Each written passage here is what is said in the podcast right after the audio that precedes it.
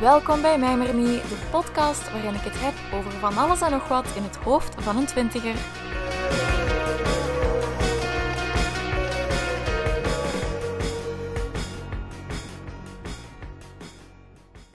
Oké, welkom bij de derde aflevering. Fijn dat je luistert, waardeer ik enorm. Um, maar ik ga deze aflevering moeten beginnen met een sad feit, want ik wilde eigenlijk deze week helemaal geen aflevering opnemen. En dat komt omdat ik in de afgelopen week een experiment wilde doen.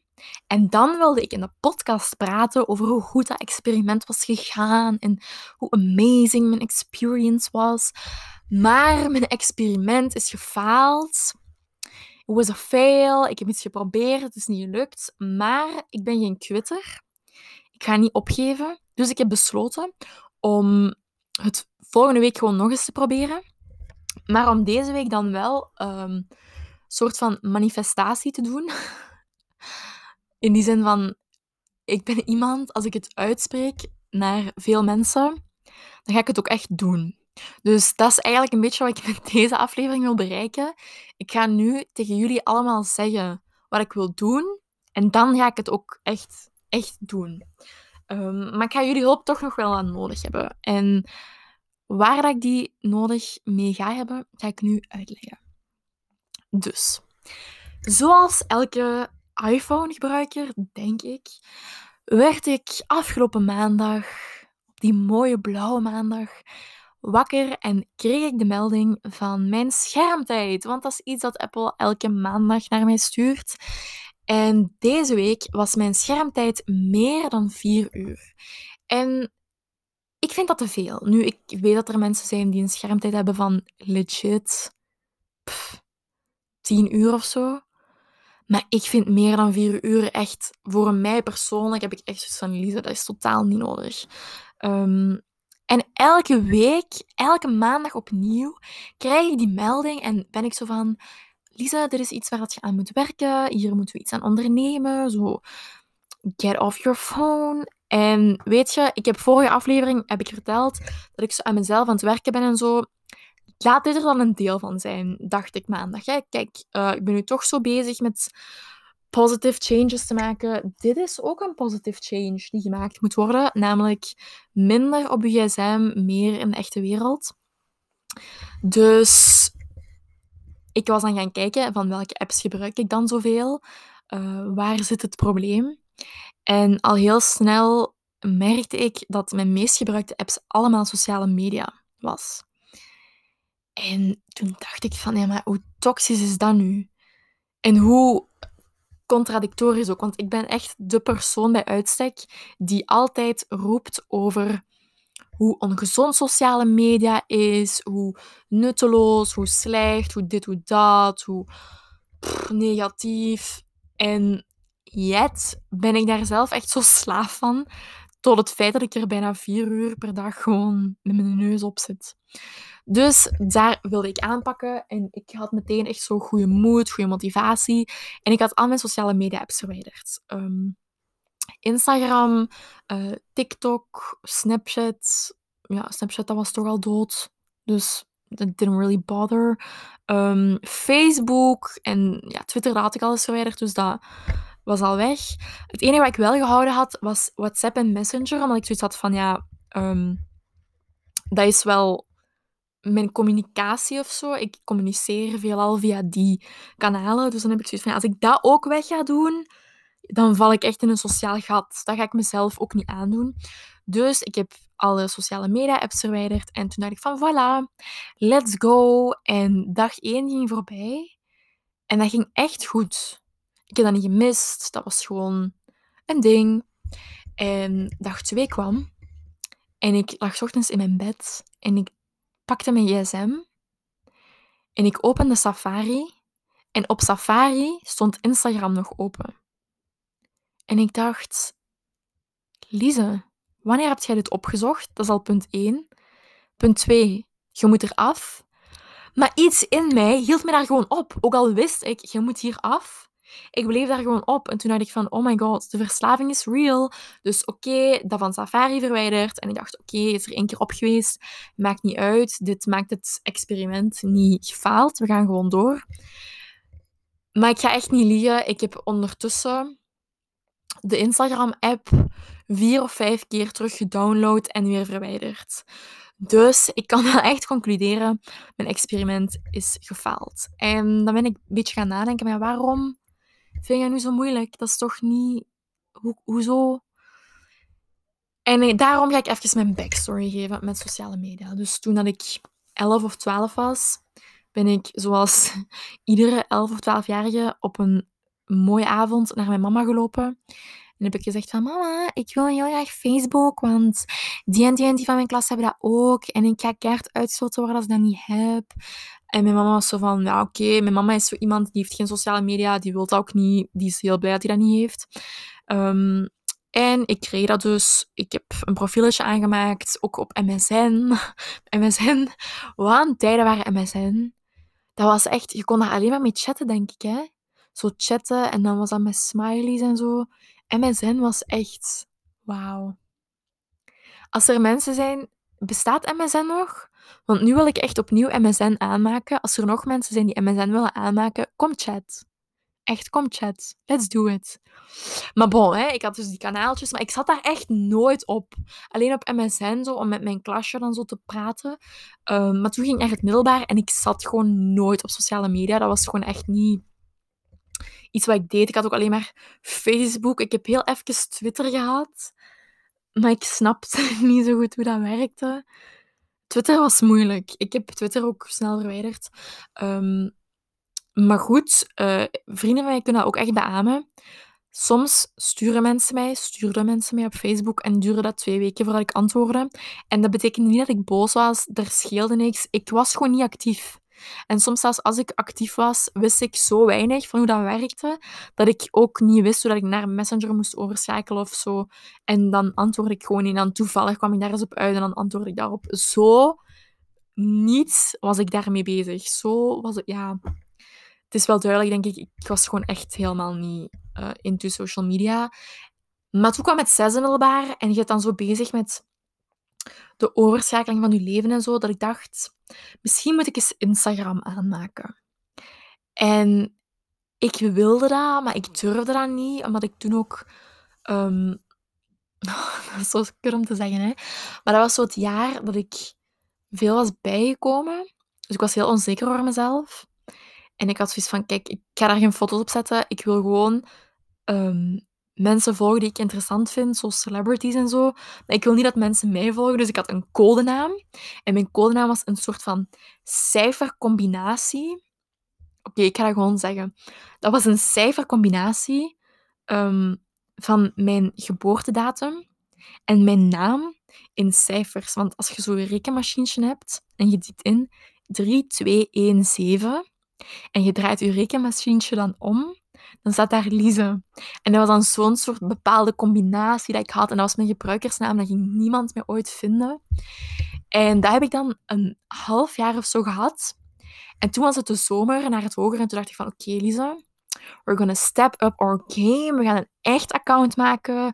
We gaan nieuwe mensen daarmee leren kennen. Voor volgend jaar toe gaat het een goede stap zijn, weet ik veel. Ik maakte een accountje en ik was echt niet bezig met wie mij volgde, wie ik volgde, wie mijn foto's likte, of ik überhaupt likes kreeg. I didn't care. Zo. Ik deed ook maar wat. Betekende niks.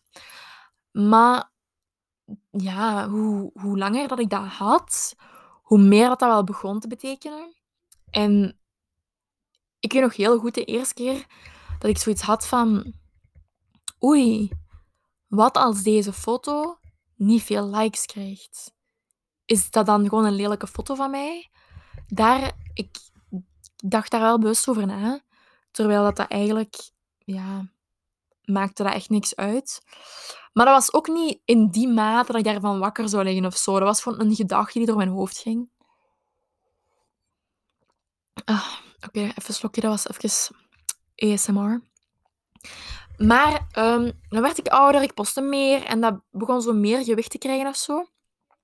En nu met corona werd het toppunt erin echt wel bereikt. Um, ik weet niet hoe ik dat moet uitleggen.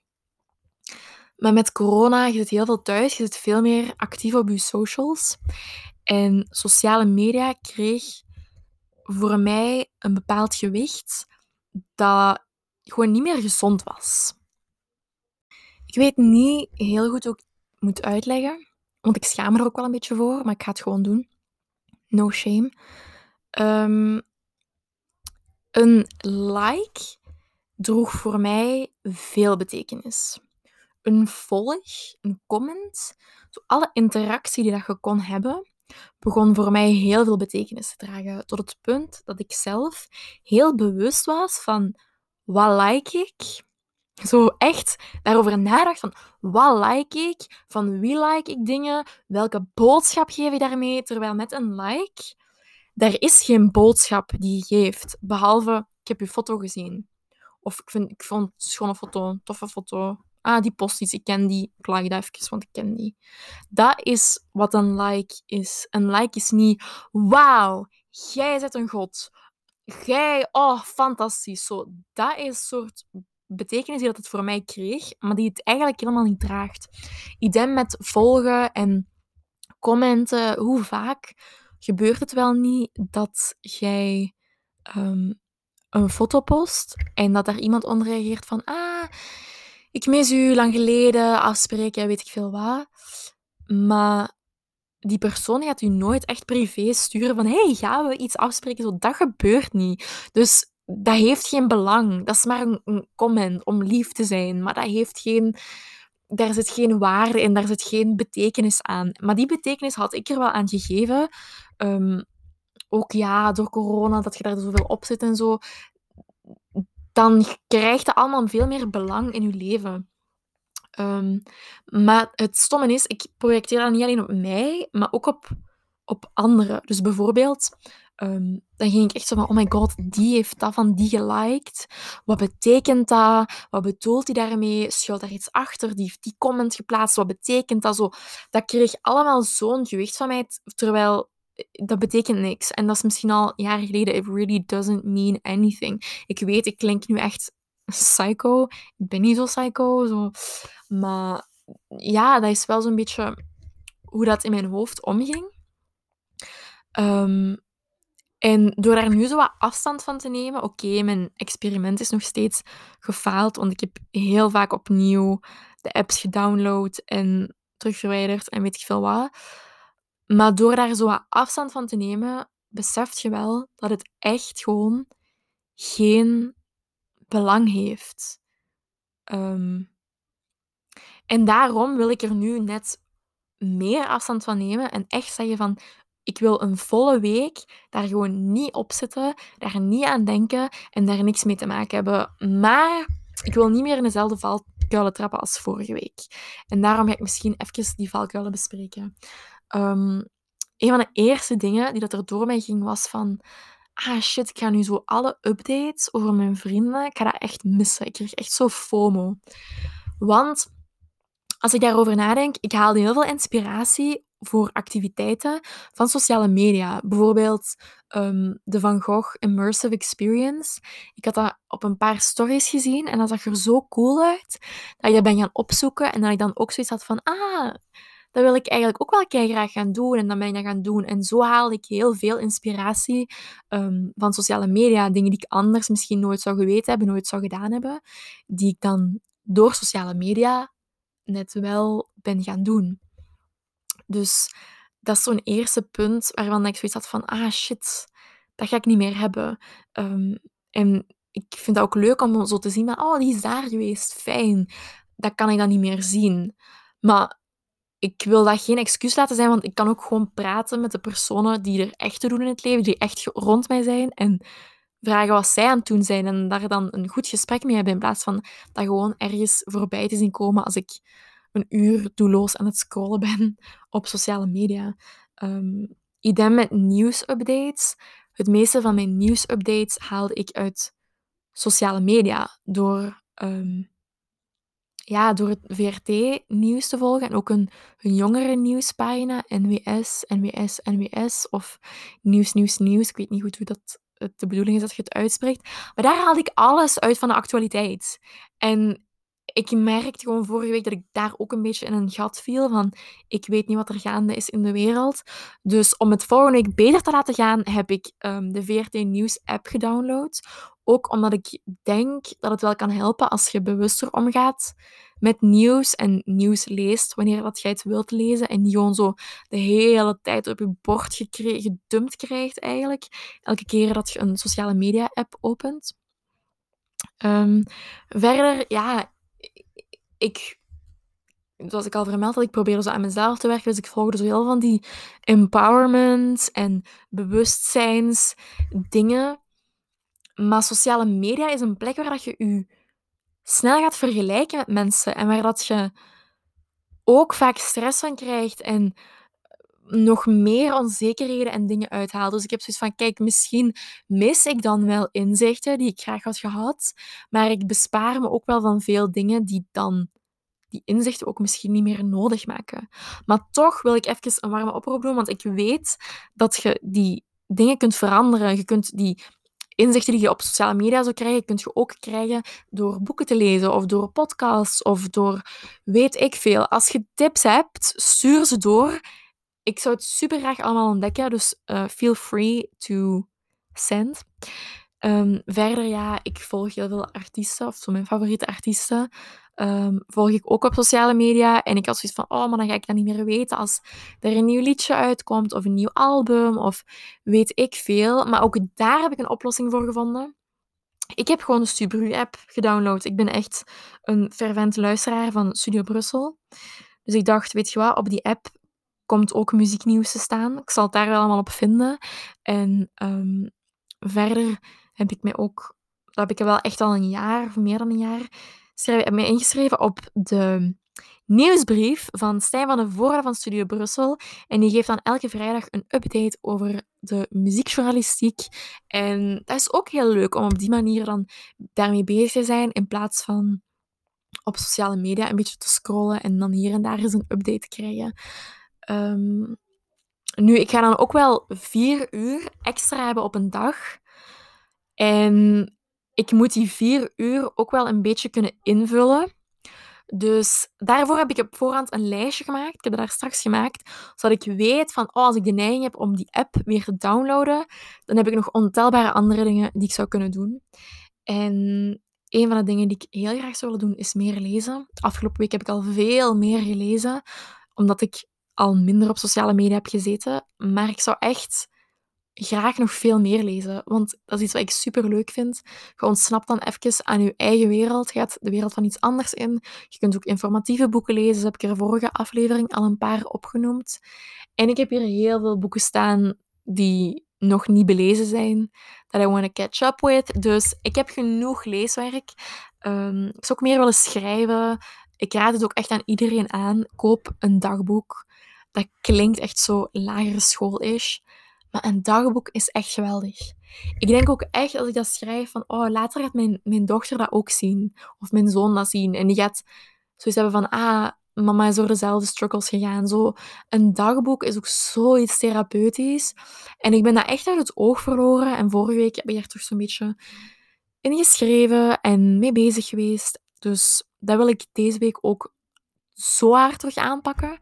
Um, ook gewoon meer quality time. En dat heb ik ook echt gemerkt. Als je je gsm gewoon eens in je kamer laat liggen en je gaat bij je familie, bij je huisgenoten zitten, dat maakt zo'n verschil in hoe je in interactie gaat met die mensen. Je hebt zo'n meer waardevolle interactie. Um, daarnaast wil ik ook meer dingen plannen. Want zoals ik zei, zo, ik haal wel inspiratie voor activiteiten van sociale media. Maar doe ik daar dan ook echt iets mee? Ik schrijf dat dan wel ergens op. Maar nu wil ik ook echt al die dingen gaan inplannen om te doen, om daar iets leuk van te maken. Um, want het is zo vaak dat je ideeën opdoet, maar er dan niks mee doet. Dus dat wil ik daar nu ook wel gebruik van maken. Ik wil reisjes plannen, ik wil activiteiten plannen, ik wil er helemaal voor gaan. Ik wil ook veel meer schoolwerk gedaan krijgen, want dat is echt zo'n classic. Ik kan voor school werken en ineens, zonder dat ik dat doorheb, zit ik ergens op te scrollen dat gaat zo snel, dat is zo'n makkelijke overgang, dat het echt moeilijk is soms om mezelf in de hand te houden. Dan ben ik zo één aan het scrollen en denk ik, Lizzie, what are you doing? Je moest voor school bezig zijn en jij zit je weer gewoon op Instagram. Je hebt dit allemaal gezien. Werk. Dus daar hoop ik ook wel wat meer van te kunnen doen. Ehm, maar echt nogmaals, ik heb hulp nodig hiermee. Ik, het is mij vorige week niet gelukt. En ik denk dat dat ook is omdat niemand mij zo in het oog hield. Dus, een opdracht voor jullie. Als je mij online ziet, op Instagram of op Facebook, maar ik, ik weet niet hoe dat, dat zit met Messenger. Als je op Facebook online zit, dat je ook noodzakelijk online zit op Messenger. I don't know. Messenger ga ik nog gebruiken. Ik weet niet hoe het zit. Maar als je mij online ziet, op Instagram, stuur mij alsjeblieft een bericht van Lise. Dit was niet de afspraak. Jij ging een week MIA zijn. Wat doet je hier? Echt, stuur het gewoon en push mij maar een beetje. Ik kan het echt gebruiken. Um, als je zelf wilt meedoen, als je zelf ook zoiets hebt van, kijk, ik wil ook wel eens zo'n detox doen en wat meer uit mijn dagelijkse leven halen en sociale media eigenlijk laten zijn voor wat het is. Niks dus. Um, doe dan met mij mee en stuur mij een berichtje. Uh, en dan kunnen we zo samen elkaar in het oog houden. Kunnen we elkaar wel motiveren. Wat dingen naar elkaar doorsturen om te doen in de vrije tijd. Uh, lijkt me echt super fijn. Dus als je mijn lotgenoot wilt zijn, just do it. Ik denk dat dat heel leuk kan zijn. Um, en dan wil ik je ook meteen al een paar tips geven van dingen die dat jij zou kunnen doen ter afleiding. En daarvoor heb ik eigenlijk een, een lijstje gemaakt van al mijn favoriete dingen van het moment. En um, zoals ik al heb gezegd in de podcast, is lezen een van de dingen die ik heel graag doe. En soms als je dat zegt tegen mensen van, wat zijn je hobby's? Lezen, dan zijn die echt van, saai. Maar dat zijn echt de mensen die het niet snappen. Lezen brengt je gewoon in een andere wereld, in een andere dimensie, waar dat uw zorgen en uw moeilijkheden niet bestaan. En ik heb een paar boeken opgeleist, zo'n beetje mijn all-time favorites. Ze staan niet in een bepaalde volgorde, maar ze zijn me wel heel veel waard. En het eerste boek is The Perks of Being a Wallflower van Steven Chbosky. En The Perks of Being a Wallflower is een briefroman. Ik weet niet of jullie weten wat dat een briefroman is. Maar dat is dus eigenlijk een verzameling van allemaal brieven en die maken het verhaal. In dit geval is dat het, het hoofdpersonage die telkens brieven schrijft naar iemand. En die brieven vormen dan het verhaal. En ik vond dat zo leuk om te lezen. Het is ook daardoor dat ik mijn dagboek ben begonnen. Um, en mijn dagboek bestaat eigenlijk dan uit een beetje brieven naar mezelf, naar mijn toekomstige zelf. Um, en The Perks of Being a Wallflower is een young adult boek. Het leest echt vlot. En het gaat eigenlijk over traumaverwerking, uzelf leren kennen. Um, ik vind dat echt een, een prachtig, prachtig, prachtig verhaal. Er is ook een film van gemaakt, maar ja, ik ben zo'n persoon, als je vraagt boek of film, dan kies ik sowieso boek, omdat de ervaring van een boek lezen veel meer waard is in mijn ogen dan de ervaring van een film kijken. Een film kijken is leuk, dat gaat snel, maar een boek, dat is echt zoiets wat je voor een langere tijd met u meedraagt. Je bent daar zo intensiever mee bezig. Dus daarom, ik raad dat echt iedereen aan. Het is ook niet zo'n dik boek. En het is gewoon zo'n mooi verhaal. Echt one of my all-time favorites. Bekijk het gewoon. Een volgende um, is eigenlijk niet per se één boek, maar gewoon een auteur. Um, Haruki Murakami. Mijn liefde voor Murakami is eindeloos. Ik heb hem een paar jaar geleden heb ik zijn boeken leren kennen en dan ben ik begonnen met Kafka op het strand. En Kafka op het strand is meteen echt een klepper, maar dat heeft mij zo beetgenomen. Echt. Het is sinds ik dat heb gelezen, sinds ik me heb verdiept in boeken van Murakami, dat ik mij echt begin af te vragen van wat voor wonderlijke breinen hebben auteurs. Als je een schrijver bent, dan moet je toch echt... Oh, wat voor een prachtig brein heb je dat je zo een verhaal kunt maken, dat je dat aan elkaar kunt hangen, dat je dat in een geheel kunt laten zijn. Zo, oh. En eh, Murakami is, wordt wel genoemd als zo de koning van het magisch realisme. Ehm, ik was nooit voor zo magische dingen in boeken, totdat ik Murakami las. En toen was ik all in for it. Echt waar. Ehm, een andere Murakami die ik echt aanraad is Norwegian Wood. Is ook een van zijn bekendere. Is een prachtig liefdesverhaal over van iemand houden, hoe moeilijk dat, ook is. En daar ook niet in opgeven. Ja, het is echt de moeite waard om het te lezen. Ehm, ik ben momenteel Dans, Dans, Dans van Murakami aan het lezen. Dat is het laatste verhaal van een um, reeks. Dat is wel iets, als je Murakami begint te lezen, check online zo wat de juiste volgordes zijn. Want er zijn reeksen die losse boeken lijken, maar eigenlijk wel samenhangen. Dus daar moet je wel bij nadenken voordat je begint te lezen met Murakami. Wat is hier de juiste volgorde in? Maar ik beloof u, je gaat er geen spijt van krijgen als je begint met Murakami. Ook al zijn dat echt kleppers en dikke verhalen. Het is gewoon zo mooi. Het is echt de moeite waard. Iets anders, uh, The Great Gatsby. Ik denk dat iedereen de film wel kent. Um, maar het boek, ja, ik ben een heel grote fan van het verhaal. Ik hou van zo die... Dat hopeloze romantische dat erin zit. Want het, het boek brengt zo'n sfeer met zich mee die je echt vasthoudt. En het gaat eigenlijk echt over zo'n wanhopige decadentie. Ik vind dat een prachtig verhaal. Ik word altijd emotioneel als ik nog maar denk aan dat verhaal. Nu ook, ik word een beetje emotioneel. Ik ga niet wenen op de podcast, dus ik ga erover stoppen. Maar The Great Gatsby is voor mij echt een klassieker die op iedereen zijn plank zou moeten staan. Het is ook niet zo dik, dus geef een kans. Ik heb het in een speciale editie gekocht in Amsterdam en dat maakt het nog zoveel meer waard. Um, een laatste boek op mijn lijstje. Ook al, ik vond het zo moeilijk om te kiezen. En er zijn zoveel boeken die ik er eigenlijk nog op wilde zetten. Ehm, maar voor dit lijstje is het laatste The Catcher in the Rye van J.D. Salinger. Ehm, ook wel in het Nederlands is het De Vanger in het Graan. Is echt, ladies and gentlemen, ik weet gewoon niet hoe. Dat boek is een halve eeuw oud of zo. Ik, dat kan echt fout ben nu, maar ik denk dat. En toch heb ik daar hard op mee moeten lachen. Zo het taalgebruik, de woordkeuze, hoe herkenbaar dat is. Uh, je hebt het hoofdpersonage, Holden Caulfield. En dat is echt zo een coming-of-age verhaal. En coming-of-age as it is. Zo niet verbloemd, gewoon met alle negativiteit die erbij komt kijken, alle twijfels, alle zorgen. En dat leest als een trein. Ik heb dat boek in, denk twee of drie dagen uitgelezen. Dat, oh, ik heb daar niet eens veel tijd voor moeten pakken. Echt dikke, dikke aanrader voor als je zo even leuk je gedachten wilt verzetten. Het taalgebruik van Salinger, ik ben er echt zo hard fan van. Um, dus zeker lezen. Nog een lijst van favorietjes zijn mijn favoriete podcasts. Um, de Volksjury, ik denk een van de meest bekende podcasts van Vlaanderen. Is altijd leuk, maar ze uploaden niet zoveel meer, denk ik. Ik weet het niet. Misschien moet je dat niet zeggen. Ik weet het niet. Maar ik vind dat echt super leuk om naar te luisteren. Ik was altijd. Ik was nooit een true crime fan, omdat ik gewoon eerlijk toegegeven te bang ben.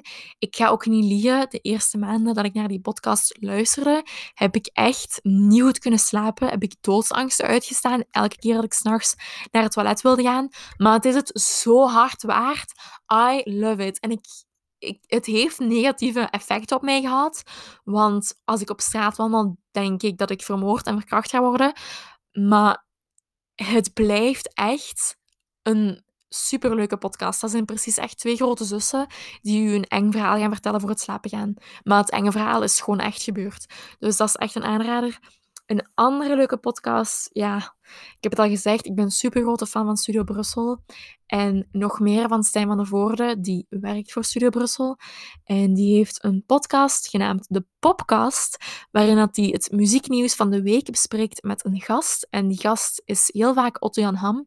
En de dynamiek tussen Stijn van de Voorde en Otto-Jan Ham is echt geweldig. En de manier waarop dat zo de muziekjournalistiek gebracht wordt, op zo'n hele luchtige manier, met hun ongezouten meningen. Ik vind dat echt heel leuk om naar te luisteren. Uh, je leert er ook telkens weer iets nieuws van bij over de muziek. En dat vind ik wel echt heel leuk. Um, nog een laatste aanrader van een podcast is Iemand van Radio 1. Um, dat is een podcast die ik al lang op het oog had, maar het duurde eigenlijk heel lang voordat ik die effectief ben beginnen luisteren. Nu, die podcast vertelt eigenlijk altijd het verhaal van een persoon.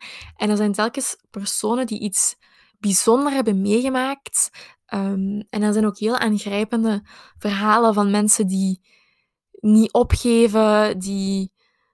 Ja, dat is moeilijk om uit te leggen, maar het is het echt waard. Zo, ik denk dat de eerste aflevering gaat over een oud vrouwtje die... Um, ja, ik ga het niet spoilen. Luister er gewoon naar. Het zijn ook niet zo'n lange afleveringen. Wat ook wel leuk is als je zo kort wandelingetje doet. Of gaat 20 minuutjes je kamer opruimen en 20 minuutjes naar die podcast luisteren. Dat is super leuk. Um, laatste lijstje van aanraders is een lijstje van Netflix deze keer. Um, ik zit niet meer zo heel veel op Netflix, omdat ik meer probeer te lezen. Um, maar er is deze week een documentaire uitgekomen en noemt Operation Varsity Blues: The College Admission Scandal. En ik weet niet of jullie dat nog kennen, maar een paar jaar geleden was er een YouTubester, Olivia Jade, en die was van haar college gehaald omdat die ouders hadden meegedaan aan een schandaal waarin dat die, die via een zijpoortje in haar universiteit hebben gekregen. En ik meen het, die docu ik vind die echt goed. Dus dat is niet zo de typische docu-stijl waarin het gewoon de feiten aan het licht komen en er wordt verteld. Er wordt ook zo in geacteerd en daarbij verteld en weet ik veel wat. En het gaat dus over een man die kinderen van rijke, blanke Amerikanen via zelf uitgevonden zijpoortjes universiteiten insluisde tegen betaling. Um, in Amerika is het dus zo dat je je altijd moet aanmelden voor college en je moet daarvoor zo als je naar een goede universiteit wilt, moet je zo echt zo'n outstanding student zijn. Um, en als je niet geaccepteerd wordt bij zo'n die grote universiteiten, dan hebben die universiteiten zelf een soort van achterdeur, waardoor dat je heel veel geld, en dat is echt 30 miljoen of zo, kunt doneren. En dan gaan ze nog eens kijken naar uw applicatie, maar dat geeft geen garantie dat je ook effectief binnen bent.